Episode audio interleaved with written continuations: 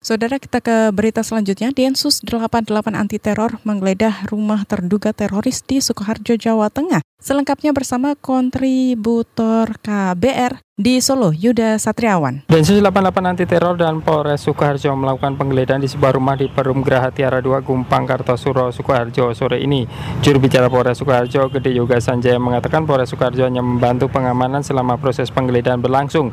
Yoga tidak mengetahui kasus yang menjerat seorang warga di wilayahnya dan sedang ditangani Densus 88 ini. Kami hanya uh, melaksanakan pengamanan, pengamanan dari rekan-rekan Densus untuk uh, perkaranya secara detail tidak uh, kami apa tidak menguasai misalnya tidak untuk disampaikan ada beberapa apa barang-barang elektronik HP sama beberapa dokumen-dokumen. Proses penggeledahan dilakukan dan berlangsung hampir dua jam. Petugas berseragam polisi menjaga ketat lokasi penggeledahan.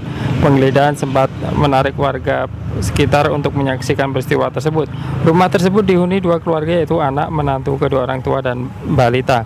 Keseharian berjualan dawet ataupun es cendol di sekitar kawasan perumahan ini. Dari Sukoharjo, Jawa Tengah, Yuda Satriawan, KBR.